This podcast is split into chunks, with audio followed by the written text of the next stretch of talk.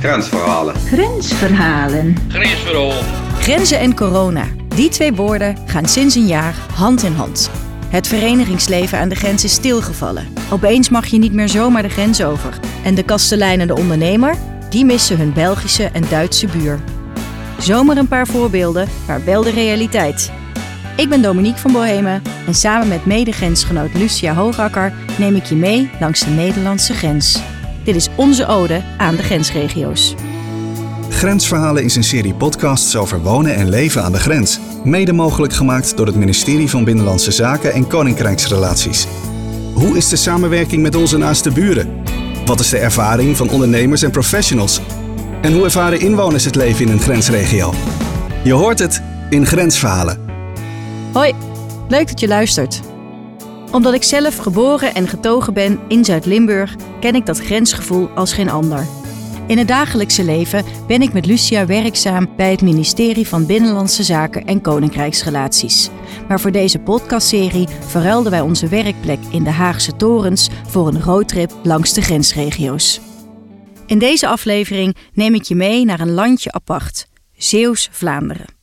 Door de Westerschelde-tunnel letterlijk gescheiden van de rest van Zeeland en Nederland.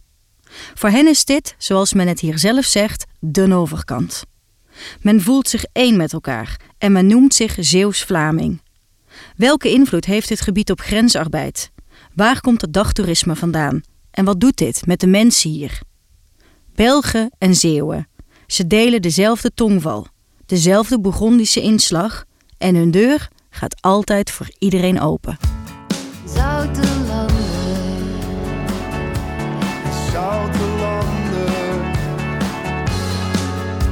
De bewoners van de provincie Zeeland gaan ver terug in de tijd. Het begon namelijk al bij de Romeinen. De kleine losse eilandjes waar het gebied lang geleden uit bestond, zijn samengegroeid tot de schiereilanden die we nu kennen, zoals Schouwen-Duiveland en Noord- en Zuid-Beveland. Zeeland telt 385.000 inwoners en grenst aan de Belgische provincies Antwerpen en Oost- en West-Vlaanderen. Anders dan andere grensregio's is de taal geen barrière om te wonen, werken of recreëren in het buurland. Je komt hier dan ook geregeld de Belgische buur tegen. De Zeeuwen, zoals de bewoners van Zeeland heten, zijn trots om Zeeuw te zijn. Ze worden gezien als nuchter, loyaal, stug en innemend. Bekende Zeeuwen zijn onder meer Jan-Peter Balkenende, Willem van Hanegem, Jacoba van Beieren en natuurlijk Danny Vera. Het overgrote deel van de provincie ligt op of onder zeeniveau. De strijd tegen het water loopt dan ook als een rode draad door de geschiedenis van Zeeland. In 1953 werd Zeeland getroffen door de watersnoodramp. Om een dergelijke ramp in de toekomst te voorkomen werden vanaf 1960 de deltawerken uitgevoerd. Een verdedigingssysteem tegen hoogwater van de Noordzee en nog steeds een toonbeeld van ongekend vernuft en vakmanschap. Pittoreske plaatsjes als Renesse en Domburg, kilometerslange stranden en de meeste zonuren van alle provincies. Zeeland. Een land in de zee en een land van traditie.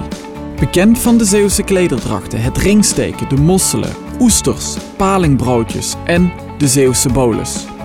Dit alles maakt Zeeland tot een geliefde provincie voor miljoenen binnen- en buitenlandse toeristen.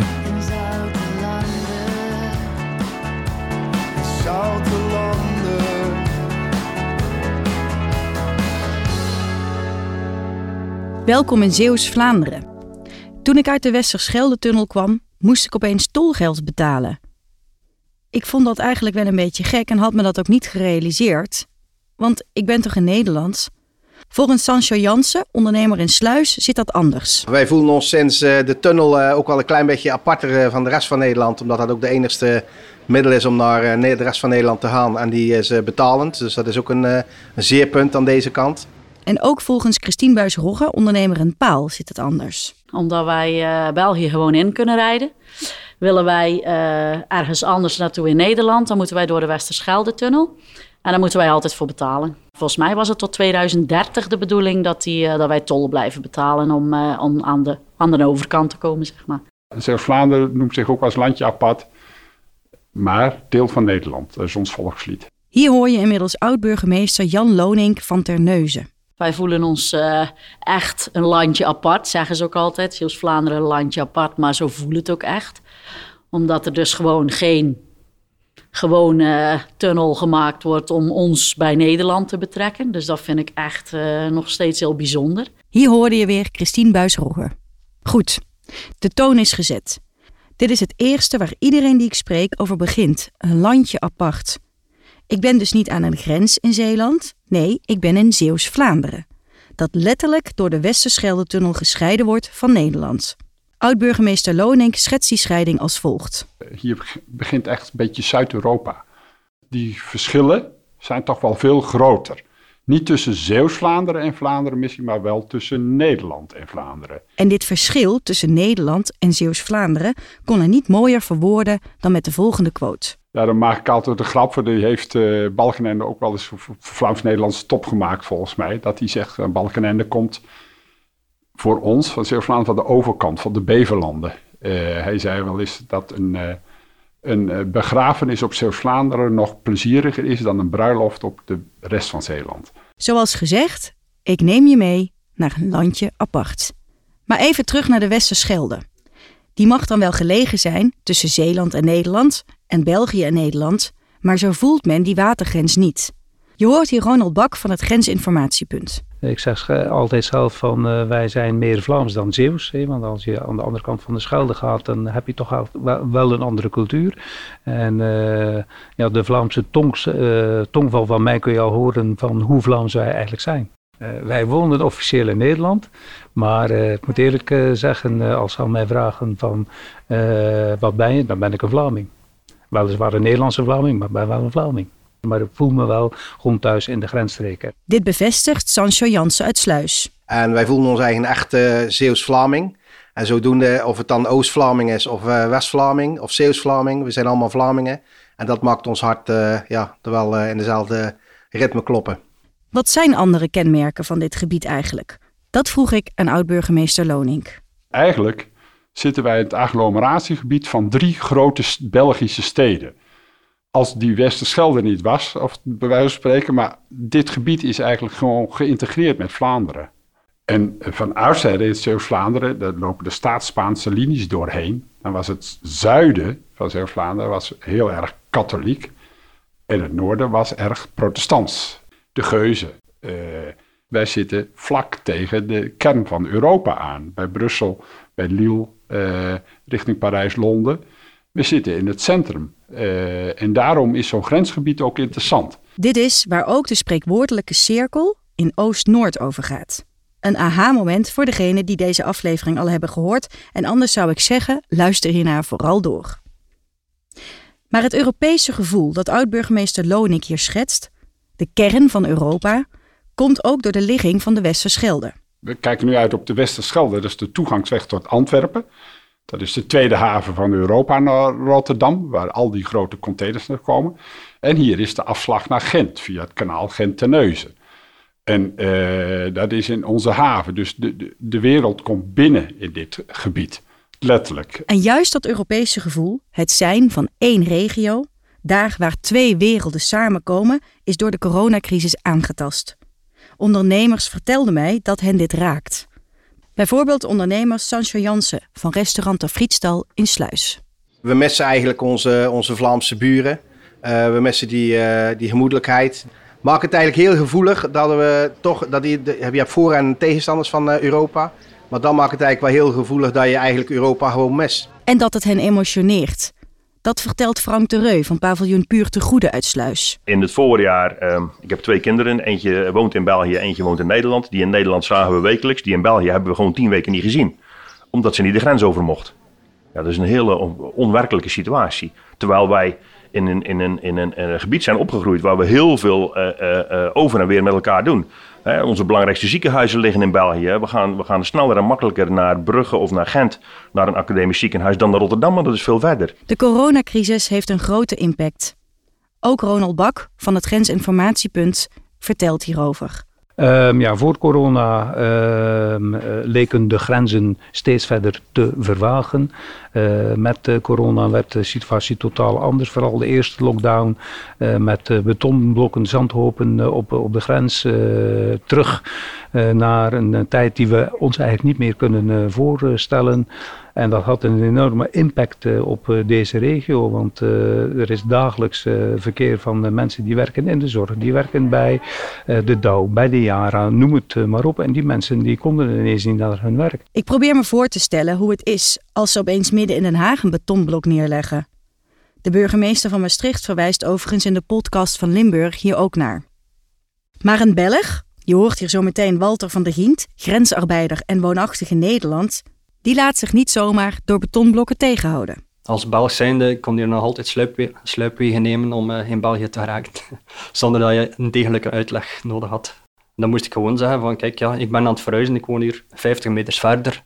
Enfin, Nederland en België, onlosmakelijk in deze streek met elkaar verbonden. Want laten we even de coronacrisis wegdenken. Toen ik aan de dijk in het stadje Paal stond en over de Westerschelde keek, vertelde Christine Buisrogge het volgende. Deze, deze tijd eigenlijk hebben wij nooit een grens gevoeld. Omdat wij eigenlijk uh, als grensstreek, zo, zoals ik al zeg, meer Zeeuws-Vlaanderen hoort eigenlijk meer qua levensstijl, qua gewoonten. Uh, passen we meer denk ik bij uh, de grensgemeenten van België als uh, bij de gemeenten aan de overkant dan, zeg maar. Kortom, zij voelen dit niet alleen zo, maar volgens Sancho Jansen ziet heel Nederland hen zo. Ze noemen ons ook wel een keer heel chic genoemd de reservebellen, hè? En iedereen die ik heb gesproken vertelde mij dat dat grensgevoel, het zijn van één regio, weg was toen de grenzen dichtgingen. Want dan worden belemmeringen zichtbaar. Bijvoorbeeld het niet over kunnen gaan van de grens als je werkt in Nederland en woont in België of andersom. Dat boodschappen doen niet meer vanzelfsprekend is en klanten wegblijven. En bijvoorbeeld bij grensarbeid had ik gedacht dat het systeem daar ook op zou zijn ingesteld. Maar oud-burgemeester Lonink heeft mij doen inzien dat dat niet het geval is. Hij schetst de belemmeringen. Dit is het grensgebied waar het meest bijvoorbeeld grensoverschrijdend wordt gewerkt. En waar ook bijvoorbeeld de, zorg heel erg grensoverschrijdend georganiseerd is. Ziekenhuizen, uh, waar je ook wel huwelijken over de grens ziet. Toen plotseling uh, zeg maar de grens dichtging, toen hebben we eigenlijk in één weekend dan moet ik eerlijk zeggen, dat heeft de Binnenlandse Zaken hard aan meegewerkt. En andere, in één weekend hebben we het grensvignet geregeld. Want het bleek plotseling dat 40% van de artsen in het ziekenhuis in Terneuzen zijn Belgisch. Maar omgekeerd werken er een heleboel Nederlanders, ook bij Volvo of omgekeerd. Nou, het grensverkeer is zo intensief. Toen hebben we gezegd, nou, dat had zich men van tevoren moeten realiseren. Ronald Bak van het Grensinformatiepunt schetst vanuit een andere invalshoek een aantal belemmeringen. Waar hij wel een grens ziet, een blijvend grens, is op het gebied van de arbeidsmarkt. En dat is uh, wel een uitdaging waar we voor staan om die grenzen uiteindelijk ook eens van die arbeidsmarkt te kunnen afhalen. Hier hoor je eigenaar van Supermarkt Plus Manjus, Danny Manjus. En die maakt het heel concreet. Natuurlijk, uh, als een, een Belg naar Nederland wil komen werken, moet hij SOFI-nummer gaan aanvragen. Dan moet hij uh, alle, allerlei, uh, ja, met alle regels in orde zijn. En dan is de romslom meestal voor de meeste mensen is van oké, ja, dan blijven we wel in België werken. Je wordt belastingplichtig en sociaal verzekerd in het uh, land uh, waar, je, waar je werkt. Dat betekent dus dat je twee administraties krijgt. En dat is voor veel mensen een belemmering om aan de andere kant van de grens te gaan werken. Ronald bevestigt dit en geeft ook aan dat dit een gevolg is voor het wegtrekken van bedrijven. dit gebied had vroeger een, een redelijk aantal arbeidsintensieve bedrijven. Ik noem Neckerman, ik noem de Kooksfabriek, ik noem Philips. Al die bedrijven die zijn weggetrokken uit, uit, zelfs uit Nederland. Aan staatssecretaris Secretaris Knops van Binnenlandse Zaken en Koninkrijksrelaties vraag ik aan het einde van deze aflevering of hij die belemmeringen op het gebied van grensarbeid herkent. Daarover straks meer. Toen ik liep door Sluis, Hulst, Sas van Gent, was het stil. Doodstil. Ik kan me bijna niet voorstellen hoe het hier normaal uitziet. Daarom vroeg ik aan Frank de Puit, eigenaar van Groosman Mode in Sluis, om eens te schetsen hoe het hier normaal uitziet. Iedereen heeft het altijd over 4,5 miljoen bezoekers, net zoveel als de Efteling in Sluis op jaarbasis. En aan kastelein Carlos Sandrini van Café de Rijnvaart in Sas van Gent. Er zijn hier bepaalde horecazaken die zijn echt afhankelijk van de Belgen. Net zoals bijvoorbeeld de supermarkten die hier staan, die staan hier ook alleen maar dankzij de Belgen. Want als er geen Belgen zouden komen, zal een eh, plaats net zoals eh Sas van Gent geen Lidl en geen Albert Heijn hebben. En ondernemer Tim Poppen van Maas Modus in Sas van Gent. We hebben hier bijvoorbeeld de 1 mei-markt in Sasvergent. Ja, dan kun je over, over de koppen lopen. Dit raakt me, want er was ook echt niemand in die stadjes. En deze mensen vertelden mij dat ze nu gescheiden zijn van hun buur, hun vriend, hun kameraad en hun inkomstenbron. Want Zeeuws-Vlaanderen is bekend om zijn dagtoerisme. Tim Poppen van Maas Modus maakt dit duidelijk. Een Belg gaat heel graag op zijn vrije dag erop uit. Die gaan een hapje eten of die gaan eens leuk gaan shoppen. Ondernemer Gerard ten Herder uit Hulst vult aan. Een Belg die eh, als hij visite ontvangt, die neemt zijn visite mee op stap. Dus een dagje naar Knok of een dagje naar Hulst of een dagje naar Sluis. Een Nederlander doet het niet, die ontvangt zijn visite thuis. Maar hoe is dit nou zo ontstaan? Dat vroeg ik nog eens een keer aan kastelein Cardo Sandrini uit Sas van Gent. Vroeger eh, was eh Sas van Gent ook heel bekend voor, eh, voor zijn winkels en de banken. Ze konden hier dan allemaal eh couponnetjes eh, inleveren. En dan eh, kwamen de Belgen hier die couponnetjes inleveren, kregen ze er geld voor en dan gingen ze gelijk om boodschappen en om een pint. Couponnetjes. Mij begint nu iets te dagen. Misschien jou ook. De jongere generatie niet, denk ik. Dus even de geschiedenis van het couponnetje. Hier hoor je Gerard ten Herder uit Hulst. Vroeger eh, hadden de Belgen eh, zwart geld. Is wel bekend in Nederland en België. Die werden belegd in couponnetjes. En dat was aantoonder, dus niet op naam. Dus die kon je kopen en die brachten dan 7 of 8 of 10 procent de rente op. Dus dan kwamen ze één keer per jaar, kwamen ze, of twee keer per jaar, ligt dan. Als het uitbetaling was, kwamen ze naar Nederland. kwamen ze die couponnetjes verzilveren. En de, de rente die werd toen besteed in een hulst. Dus dat was in feite een goede inkomstenbron voor ons. Het dagtoerisme komt hier dus uit voort en is gelegen in het feit dat de Belg meer buitenshuis leeft dan de Nederlander. Die twee dingen samen maakt dat ondernemers in Zeeuws-Vlaanderen zo goed zijn ingespeeld op die Belg en op het toerisme. En waar houdt de Belg van? Frank de Reu uit Sluis typeert dit. Een, een Belg is een Bourgondier, eh, leeft als een Bourgondier, eh, bestelt een fles wijn in plaats van een glas wijn, eh, bestelt oesters voor in plaats van een broodje. Nou, dat zijn de typische verschillen tussen de Nederlanders en de Vlaming. En ze missen nu zo hun Belgische buur. Dat zag ik bij iedereen die ik sprak. Want er wordt zoveel samengewerkt, maar niet voor wat betreft bestrijding van de coronapandemie, zo vertelt Frank de Reu van Paviljoen Puur te Goede. Als we op economisch vlak enorm kunnen samenwerken, als wij op eh, infrastructureel vlak, eh, het voorbeeld van die sluizen van net, met elkaar kunnen samenwerken. Waarom hebben we dan nooit kunnen samenwerken op het gebied van bestrijding van die pandemie? Ehm, we zijn eigenlijk gewoon eh, hele goede buren van elkaar, de Nederlanders en de Belgen. Ehm, en er wordt heel veel samengewerkt. En dan zie je dat er wat coronabestrijding betreft amper of niet wordt samengewerkt. En dat is gewoon heel vreemd. En er is heel weinig begrip geweest. En dat is ook heel erg zonde, want ik denk dat voor een deel dat, dat, dat gebrek aan begrip ook is veroorzaakt door eh, de bestuurder zelf. Oud-burgemeester Lonink, zelf bestuurder geweest, vult dit aan. Het is één gebied, maar we hebben heel veel belemmeringen in de juridische sfeer. We leven in één gebied. Dat, dat merk je en mensen voelen dat ook. Eh, we, zitten in Gent een, een pint te drinken, bij wijze van spreken. En het is gewoon één gebied. En nu met corona merk je ineens weer... hey, mensen kunnen tegen elkaar opgezet worden. De Belgen die zeggen, wat gebeurt er in Nederland? En Nederland, wat gebeurt er in België? En daar wordt niet goed afgestemd. En dat maakt dat het niet altijd mooi is om in deze grensregio te wonen, vertelt Christine Buis-Rogge van Paviljoen het Schroeg. Ehm, de problemen met de vergrijzing, openbaar vervoer. Het werkt hier allemaal een stukje anders, maar het is niet minder mooi of fijn om in deze regio eh, te wonen en te werken. Maar af en toe zou je daar wel, moet daar een ander financieel beleid op losgelaten worden, denk ik, dan in een stedelijk gebied waar je alles bij de hand hebt. Ik ga mijn oor eens te luisteren leggen bij de staatssecretaris van Binnenlandse Zaken en Koninkrijksrelaties, Raymond Knops. Hij heeft zich de afgelopen vier jaar ingezet voor de grensregio's om belemmeringen aan de grens waar mogelijk weg te nemen. Ik ga hem een aantal dingen voorleggen.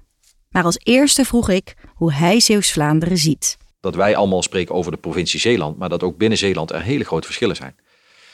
En die mensen, ook voor die mensen geldt dat het water misschien nog wel een grotere grens is dan de grens met, eh, met Vlaanderen. Maar ik vroeg hem ook naar persoonlijke herinneringen. Ik ben heel vaak in Zeeland geweest en ik heb ook uh, veel met ondernemers gesproken. En ja, ik ben zelf ook een aantal keer op vakantie geweest met gezin in Breskes. En, uh, dus ik bewaarde hele goede herinneringen aan. En ik herken wel, Zeeland is natuurlijk misschien wel ja, samen met Limburg een van de provincies waar het regionaal toerisme uh, het grootste is. Toen ik voor alle projecten die, die plaatsvinden tussen Vlaanderen en, en Zeeuws-Vlaanderen in dit geval daar op bezoek ging, was ik ook positief verrast eigenlijk. Dat ik dacht van, hé, dat lijkt wel Limburg hier. Zo begon is het, is hier. Alleen al s'avonds dat je dan werd uitgenodigd om te gaan eten. En dat was nou, overdadig. En we kennen natuurlijk allemaal het gezegde, ons zeeuw benzunig. Nou, dat, was, dat gold niet voor Zeeuws-Vlaanderen, in ieder geval. Die Burgondische sfeer, waar hij nu over vertelt, die heb ik niet kunnen ervaren. Want corona gooit roet in het eten. Hoe kijkt de staatssecretaris hier tegenaan? Ik vraag hem of hij het onbegrip en de emotie van de ondernemers herkent. Corona is gewoon een, ja, heeft, een, heeft dat, dat die samenwerking bedorven en heeft een, een, een, een schaduw geworpen over, over kansen voor ondernemers. Dus ondernemers hebben het gewoon heel zwaar gehad uh, door alle maatregelen die er waren. Dit is wel het beste bewijs dat je heel goed moet samenwerken als bestuurders, dat je goede contacten moet hebben. Dat stelt mij gerust. En ik hoop dat deze pandemie snel voorbij is en dat mensen weer kunnen genieten van het prachtige stukje Vlaanderen in Nederland. Ik vroeg de staatssecretaris ook waar de kracht zit van Zeeuws-Vlaanderen. We hebben de samenwerking gezien tussen Gent en Terneuzen, uh, Noordseapoort op het gebied van de ziekenhuiszorg. Ik zie hele mooie voorbeelden in Zeeland die ik op andere plekken nog niet gezien heb. Dus ik heb Zeeland ook wel de afgelopen jaren gezien als een soort van uh, voorbeeld van hoe je grensoverschrijdende samenwerking kunt, kunt aanpakken. Ze hebben echt laten zien dat ze kansen benutten en ze zijn in zekere zin ook een, wat mij betreft, een voorloper over hoe het kan. Eerder deze aflevering hoorden we Christine Buis-Rogge over het afnemende voorzieningenniveau. Ik vroeg de staatssecretaris hoe hij hier tegenaan kijkt. Ik verbaas me af en toe als uh, parttime inwoner van de Randstad hoe druk het hier is, hoe weinig ruimte er is en dat mensen uren in de file staan. Terwijl je in andere delen van het land uh, gewoon prima uh, kunt wonen. Dus daar liggen echt kansen voor. Voor alle grensregio's zou je kunnen zeggen, want ze hebben allemaal dezelfde kenmerken. Zeeland, Zeeuws-Vlaanderen. Een landje apart. Hier ligt altijd een bolus op je te wachten. Staat de deur voor iedereen open en wordt je gastronomisch verwend. Ik heb nog maar één wijze raad. Zodra het mag, bezoek Zeeuws-Vlaanderen. Drink een pint in Sas van Gent. Ga eens shoppen in Sluis of Hulst. En sluit de dag dan af met een borrel en diner bij een van de mooie paviljoens in Paal, waar je kunt genieten van het uitzicht van de overkant. Ik hoop dat we je een mooie inkijk hebben kunnen geven in het leven aan en met de grens. Dank aan iedereen die aan deze podcast heeft meegewerkt, het hele team achter deze productie, maar vooral Lucia, mijn grensgenoot, partner in crime en steun en toeverlaat. Luister door voor meer grensverhalen. Hoi! Grensverhalen wordt mede mogelijk gemaakt door het ministerie van Binnenlandse Zaken en Koninkrijksrelaties. Ga voor informatie en meer grensverhalen naar nieuwsbzk.nl. Bedankt voor het luisteren en graag tot een volgende aflevering van Grensverhalen.